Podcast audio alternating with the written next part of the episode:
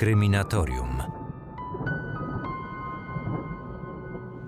Dziś przenosimy się do Włoch. Maurizio był ostatnim przedstawicielem legendarnej rodziny Gucci. W roku 1995 został zastrzelony. Wszystko wskazywało na to, że zrobił to zawodowiec, płatny zabójca. Kto mógł chcieć jego śmierci? Na celownik śledczych od razu trafiły osoby z jego bliskiego otoczenia, członkowie jego rodziny. Śledztwo wykazało, co tak naprawdę działo się za zamkniętymi drzwiami w rodzinie Guccich. Tam miłość, zdrada i intrygi były na porządku dziennym. Kryminatorium. Otwieramy akta tajemnic. Było w pół do dziewiątej nad ranem, poniedziałek 27 marca 1995 roku. Dozorca zamiatał ulicę pod mediolańskim biurowcem. W pewnym momencie zauważył mężczyznę, który stał na parkingu tuż za swoim samochodem. O tej porze dnia parking zwykle był pusty, więc ten ciemnowłosy człowiek natychmiast zwrócił jego uwagę. Dozorca znał chyba wszystkich pracowników tutejszych biur, ale nie znał tego mężczyzny. Musiał on być więc z kimś tutaj umówiony. Tym bardziej, że sprawiał wrażenie, mm, jakby na kogoś czekał. Kilka minut później dozorca wszedł do biurowca. Wymiatał liście z za drzew. Nagle usłyszał za sobą szybkie kroki na schodach. Prowadziły do holu. Dobrze mu znajomy głos krzyknął w jego stronę radosne Dzień dobry. Dozorca odwrócił się i odwzajemniając uśmiech odpowiedział Dzień dobry doktorze. Zawsze witał się z tym mężczyzną w taki sposób, choć nie był on wcale doktorem. Dozorca wiedział, że Mauricio należał do słynnej rodziny Gucci, których dom mody kojarzył się ludziom na całym świecie ze stylem i elegancją. Mauricio był ostatnim przedstawicielem rodu, który kierował tą firmą, mimo że od dwóch lat nie należała już ona do rodziny Gucci. Choć dozorca często czytał w gazetach o jego kłopotach finansowych i bataliach toczonych z byłą żoną, i tak zazdrościł mu życia, jakie prowadził człowiek, którego nazywał doktorem. Gucci był przecież bogatym, przystojnym, młodym mężczyzną. Miał też piękną narzeczoną, wysoką, zgrabną blondynkę, która pojawiała się czasami w jego biurze, aby mu pomóc w urządzaniu wnętrza. W oczach wszystkich oboje uchodzili za idealną parę, wiodącą doskonałe, choć nie wolno od codziennych kłopotów życie.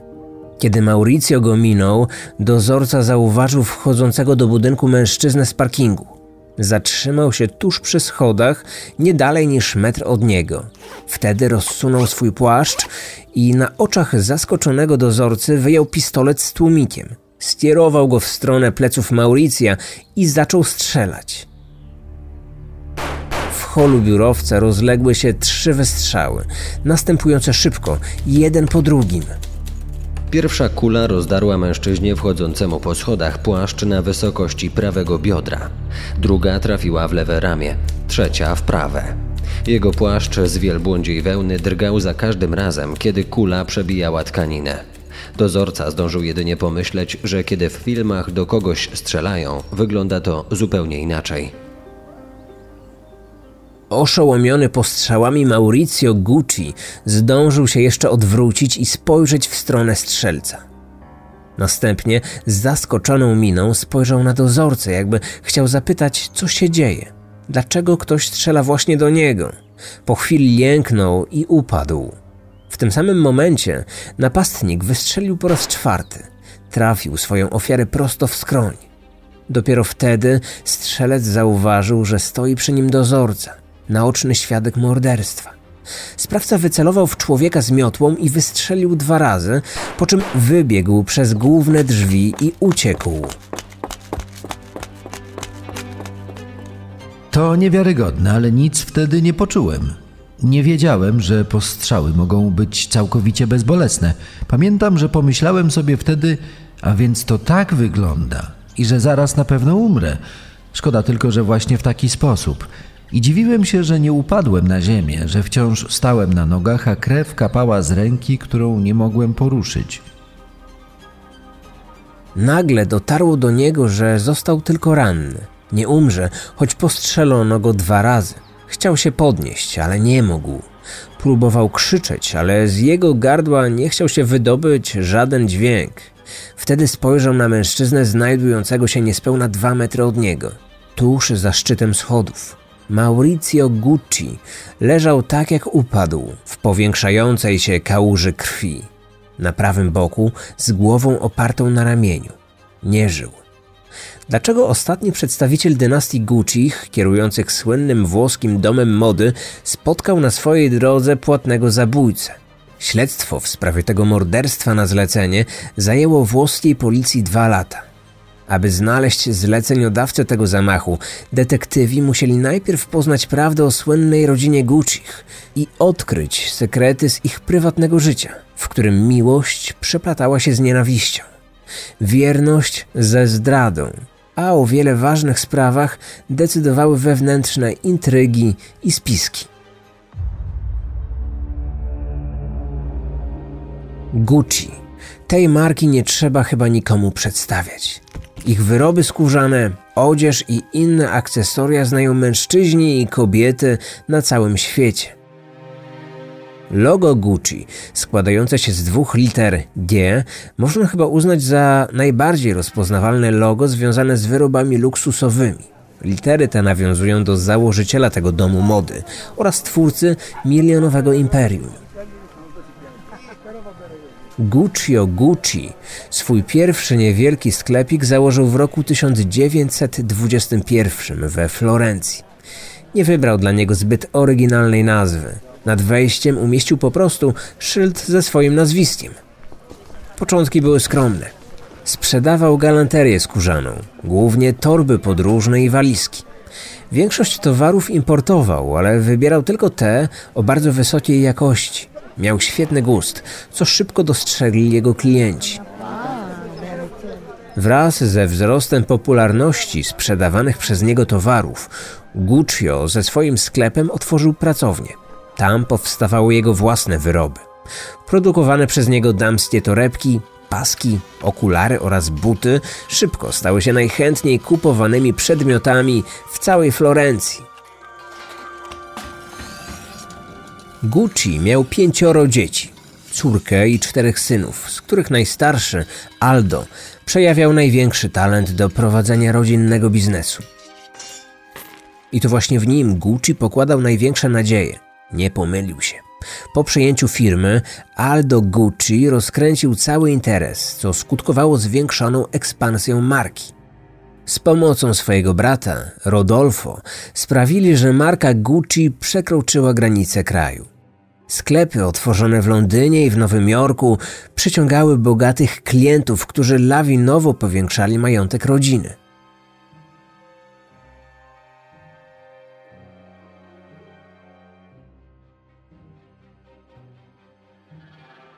Gucci stała się wkrótce najważniejszą modową marką świata, ale lata 70. przyniosły kryzys. Przyczynili się do tego głównie synowie Alda, którzy wychowani w fortunie i sławie ojca zapragnęli mieć w firmie większą władzę.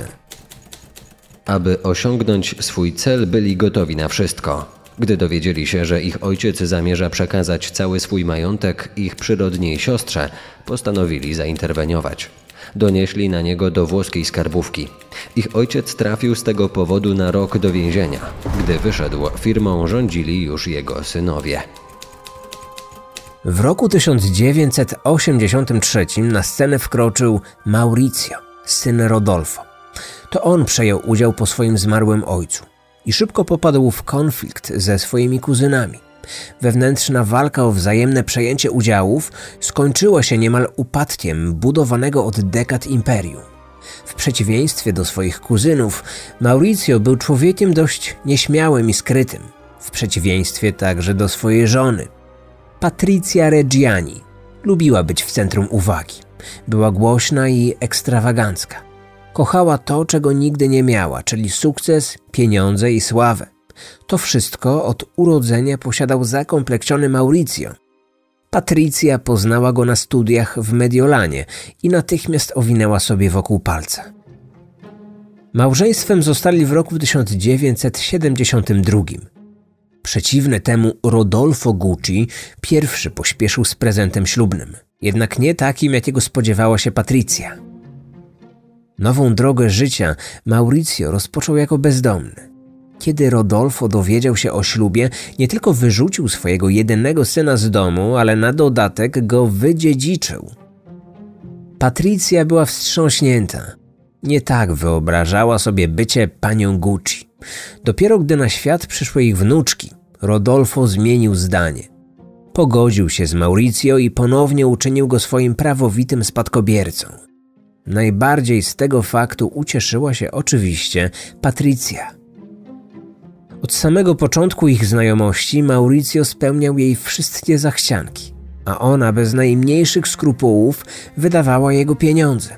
Nawet wśród mediolańskiej elity, słynącej przecież z szastania pieniędzmi na lewo i prawo, ta kobieta uchodziła za zbyt rozrzutną. Z czasem dorobiła się nawet przydomku. Tutenhamon, ponieważ lubiła chodzić ulicami miasta obwieszona złotem. Nosiła wyłącznie najdroższe ubrania i słynęła z tego, że po swoim ślubie nigdy nie wsiadła do samochodu innego niż limuzyna. Po śmierci ojca Mauricio odziedziczył jego udziały. Wkrótce stał się właścicielem pakietu większościowego.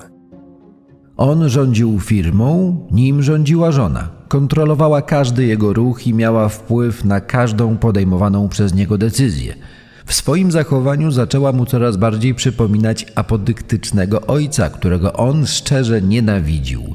Nie minęło dużo czasu, a podobne uczucia zaczął przejawiać do własnej żony. W 1985 roku Mauricio wyjechał w podróż służbową do Florencji. Wrócił z niej nie tylko z podpisanym nowym kontraktem, ale i z nową kobietą.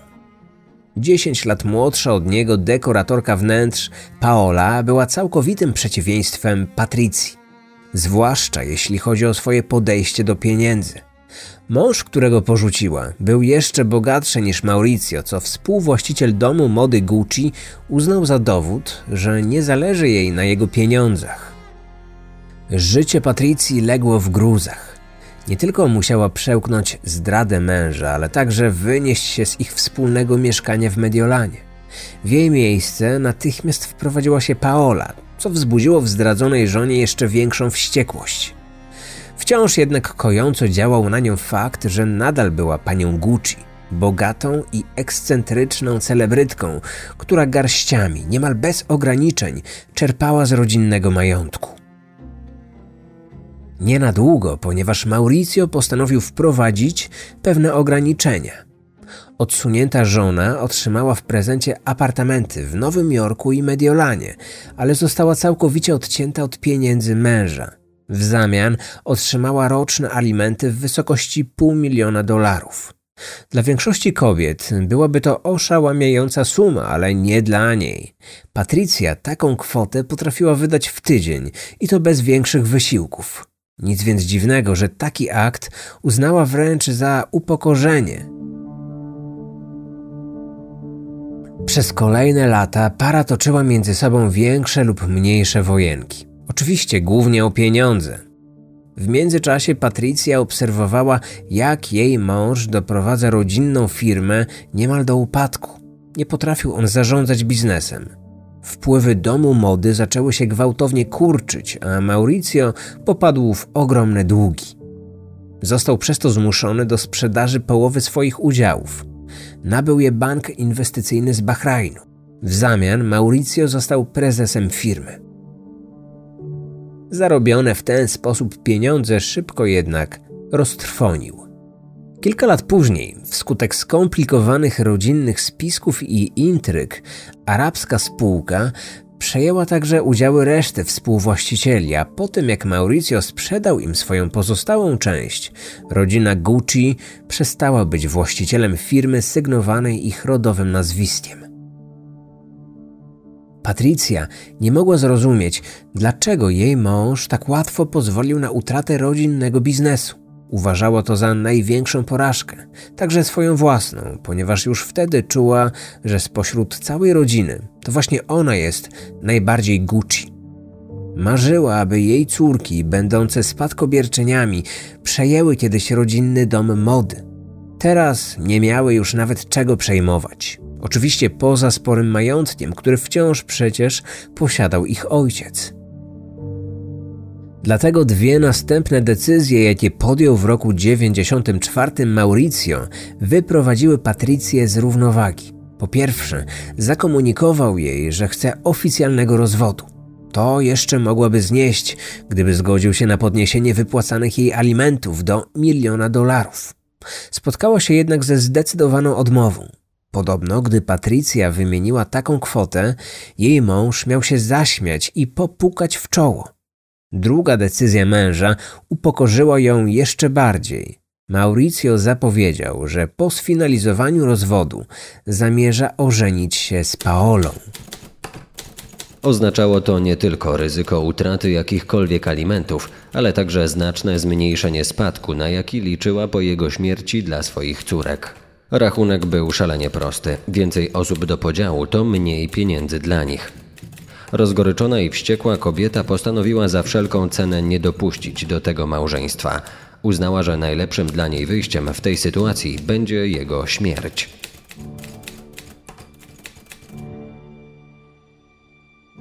Zwróciła się do swojej przyjaciółki, Giuseppiny. Kobieta była wróżką, mającą rozległe kontakty w kręgach mediolańskiego kryminalnego półświadka. Za równowartość 400 tysięcy dolarów zgodziła się pomóc Patrycji. Gdy tylko pani Gucci przekazała umówioną sumę, wróżka wynajęła trzech mężczyzn. Jednym z nich był pochodzący z Sycylii płatny zabójca, który wczesnym rankiem 27 marca 1995 roku pojawił się w Mediolanie. Czekał przed budynkiem, tam mieściło się biuro jego aktualnego zlecenia. Swoim wyglądem nie budził niczyich podejrzeń. Tylko ten zamiatający chodnik, portier budynku od kilkunastu minut bacznie mu się przyglądał. Znał niemal wszystkich pracowników biurowca, ale tego mężczyznę widział po raz pierwszy. Na parkingu przed budynkiem zaparkowany był tylko jeden samochód. Jego kierowca wysiadł z niego i stał przy swoim aucie dobre kilkanaście minut. Zastanawiałem się, czego on może szukać tutaj o tak wczesnej porze. Był ogolony i dobrze ubrany, miał gęstą czuprynę falujących ciemnych włosów, ubrany był w jasno-brązowy płaszcz. Cały czas uważnie się rozglądał. Sprawiał wrażenie, jakby kogoś szukał lub na kogoś czekał. Kilka minut później postrzelony dwukrotnie portier siedział na schodach.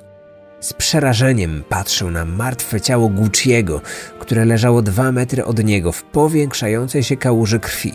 Chwilę później na miejscu byli już pierwsi karabinierzy.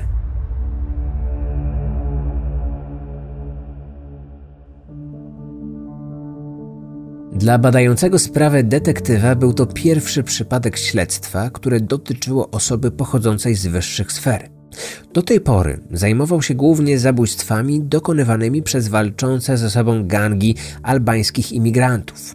Szybko stało się dla niego jasne, że strzelał zawodowy zabójca. Postrzał w skroń na pierwszy rzut oka przypominał typową mafijną egzekucję. Coś jednak nie pasowało detektywowi.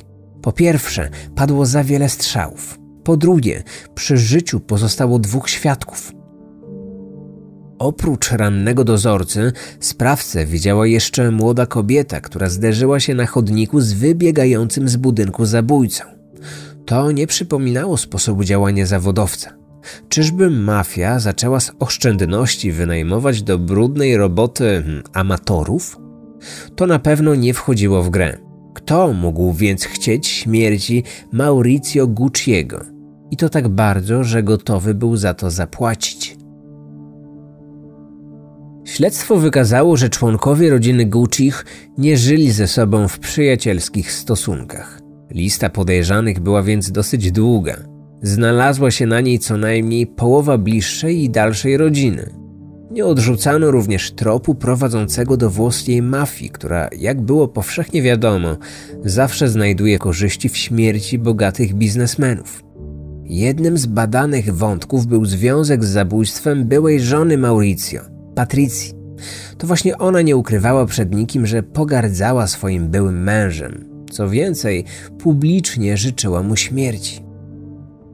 Dzień po zabójstwie Patricja wyrzuciła z apartamentu Mauriciego jego narzeczoną, po czym sama się tam wprowadziła z dwiema córkami. Na pogrzebie sprawiała wrażenie, jakby całkiem dobrze się bawiła.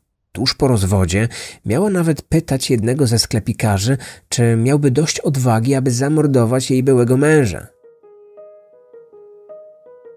Takie zachowanie może i wskazywało na nią jako podejrzaną, ale śledczy nie mieli żadnych dowodów na to, że ona wynajęła płatnego zabójcę, a bez dowodów nie można było nikogo oskarżyć. Pierwszy przełom w sprawie nastąpił niecałe dwa lata później. W styczniu 1997 roku włoska policja otrzymała anonimową wiadomość od jednego z informatorów. Nasz człowiek działający pod przykryciem na Sycylii poinformował nas, że rozmawiał z człowiekiem twierdzącym, że to właśnie on był zabójcą, którego szukaliśmy. Działał na zlecenie byłej żony zamordowanego, a za zlecenia wziął 400 tysięcy dolarów. Postanowiliśmy wykorzystać te informacje. Sprawdzono wszystkie bankowe konta Patrycji. Okazało się, że kilka dni przed śmiercią jej byłego męża wypłaciła dokładnie taką sumę w jednym z banków w Monako. W telefonie Patrycji policja założyła podsłuch. Później funkcjonariusz podający się za płatnego zabójcę kilka razy zadzwonił do niej. Domagał się ekstra bonusu za zastrzelenie jej byłego męża. W trakcie rozmowy kobieta zachowywała spokój i do niczego się nie przyznała. Jednak później zadzwoniła do swojej przyjaciółki wróżki, z którą zaczęła ustalać szczegóły przekazania dodatkowych pieniędzy. Wkrótce śledczy mieli już całą listę osób zamieszanych w zabójstwo. 31 stycznia 1997 roku wszyscy zostali aresztowani i oskarżeni o udział w zabójstwie. Zatrzymano również mężczyznę, który pociągnął za spust.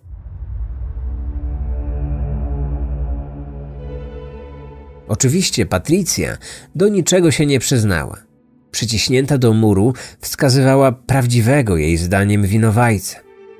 To jej przyjaciółka, ta wróżka.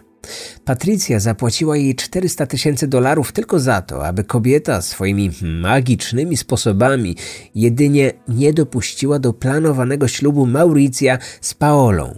Jednak na pewno nie kazała jej nikogo zabijać. Później, według słów pani Gucci, to właśnie wróżka wyczytała w jej myślach, jak bardzo pragnie ona śmierci swojego byłego męża i postanowiła spełnić to marzenie. W tym celu wynajęła płatnego zabójcę, o którym Patrycja w ogóle nie wiedziała. Nikt nie uwierzył w taką próbę obrony, ani śledczy, ani dziennikarze. Ci ostatni szybko nazwali ją czarną wdową. Patrycja była jednak pewna siebie i nie dopuszczała nawet myśli, że zostanie skazana. Podczas rozprawy zachowywała się jak celebrytka na pokazie mody. Kazała córkom codziennie przynosić sobie inną biżuterię i garderobę, którą nosiła podczas rozprawy. Wpisy, które dodawała w tamtym czasie w swoim kalendarzu, także nie przemawiały na jej korzyść. Tydzień przed śmiercią napisała, że nie ma zbrodni, której nie można kupić. W dzień, kiedy został zamordowany, zapisała słowo raj. Obciążały ją także słowa, jakie wypowiedziała tuż przed procesem, podczas jednego z wywiadów prasowych. Czarna wdowa miała powiedzieć, że śmierć Mauricio była warta każdego wydanego na nią dolara. Została skazana na 29 lat pozbawienia wolności. Jej przyjaciółka, wróżka, usłyszała wyrok 25 lat. Przewieziona do więzienia, kobieta załamała się i próbowała popełnić samobójstwo. Dwa lata później jej obrońcy złożyli wniosek o zwolnienie warunkowe, które zostało jednak przez sąd odrzucone. Zamiast upragnionej wolności otrzymała jedynie zgodę na posiadanie w celi tchórzofretki. Skazana nie zdążyła się zbyt długo nacieszyć tym nowym towarzyszem, ponieważ zwierzątko zostało wkrótce niechcąco przygniecione przez jedną ze współosadzonych. Szansę na pierwsze złagodzenie wyroku pani Gucci otrzymała dopiero po 13 latach odsiadki. W 2011 roku zaproponowano jej możliwość opuszczenia murów więzienia w ciągu dnia. Miałaby jedynie wracać do swojej celi na noc. Był tylko jeden warunek: musiałaby znaleźć sobie pracę. Wiele pracy i wysiłku kosztowało nas załatwienie dla naszej klientki takiego udogodnienia. Zwłaszcza, że została ona skazana za zlecenie zabójstwa, a takim skazanym zwykle nie przysługuje specjalne traktowanie. Na otrzymaną propozycję odpowiedziała jednak stanowczą odmową. Stwierdziła, że nigdy w życiu nie pracowała, więc nie widzi żadnego powodu, aby miała zacząć pracować właśnie teraz. Zdanie zmieniła dopiero pięć lat później. Dzięki temu w październiku 2016 roku, po 18 latach spędzonych w więzieniu, Patricia wyszła na wolność. Chciała pracować w domu mody Gucci, jednak ówczesny właściciel marki nie wyraził na to zgody. Zamiast tego została zatrudniona w firmie produkującej biżuterię. Choć trudno to nazwać pracą, bo do jej obowiązków należało przeglądanie magazynów mody i doradzanie pracującym w tej firmie projektantom. Jej córki wyprowadziły się z Włoch do Szwajcarii i do dziś nie utrzymują z matką żadnego kontaktu.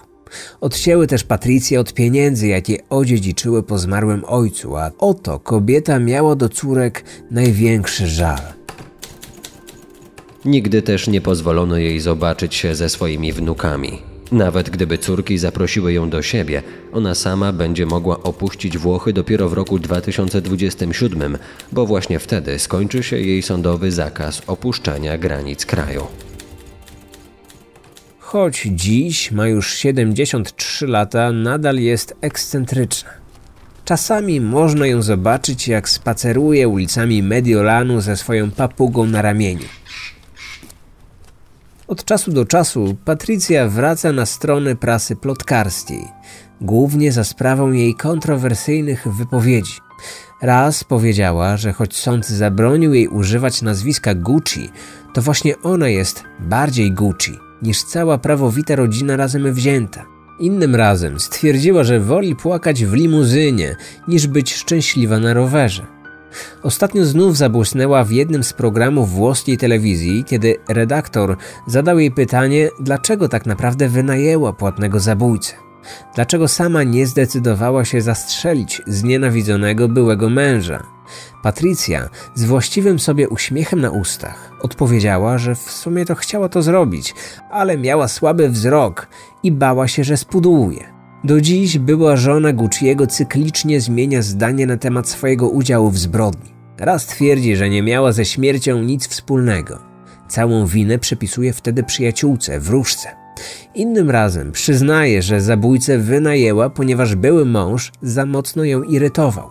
Zapytana, czy chciałaby wreszcie zapomnieć o całej sprawie, odpowiada, że kto jak kto, ale ona nie ma akurat niczego do zapominania.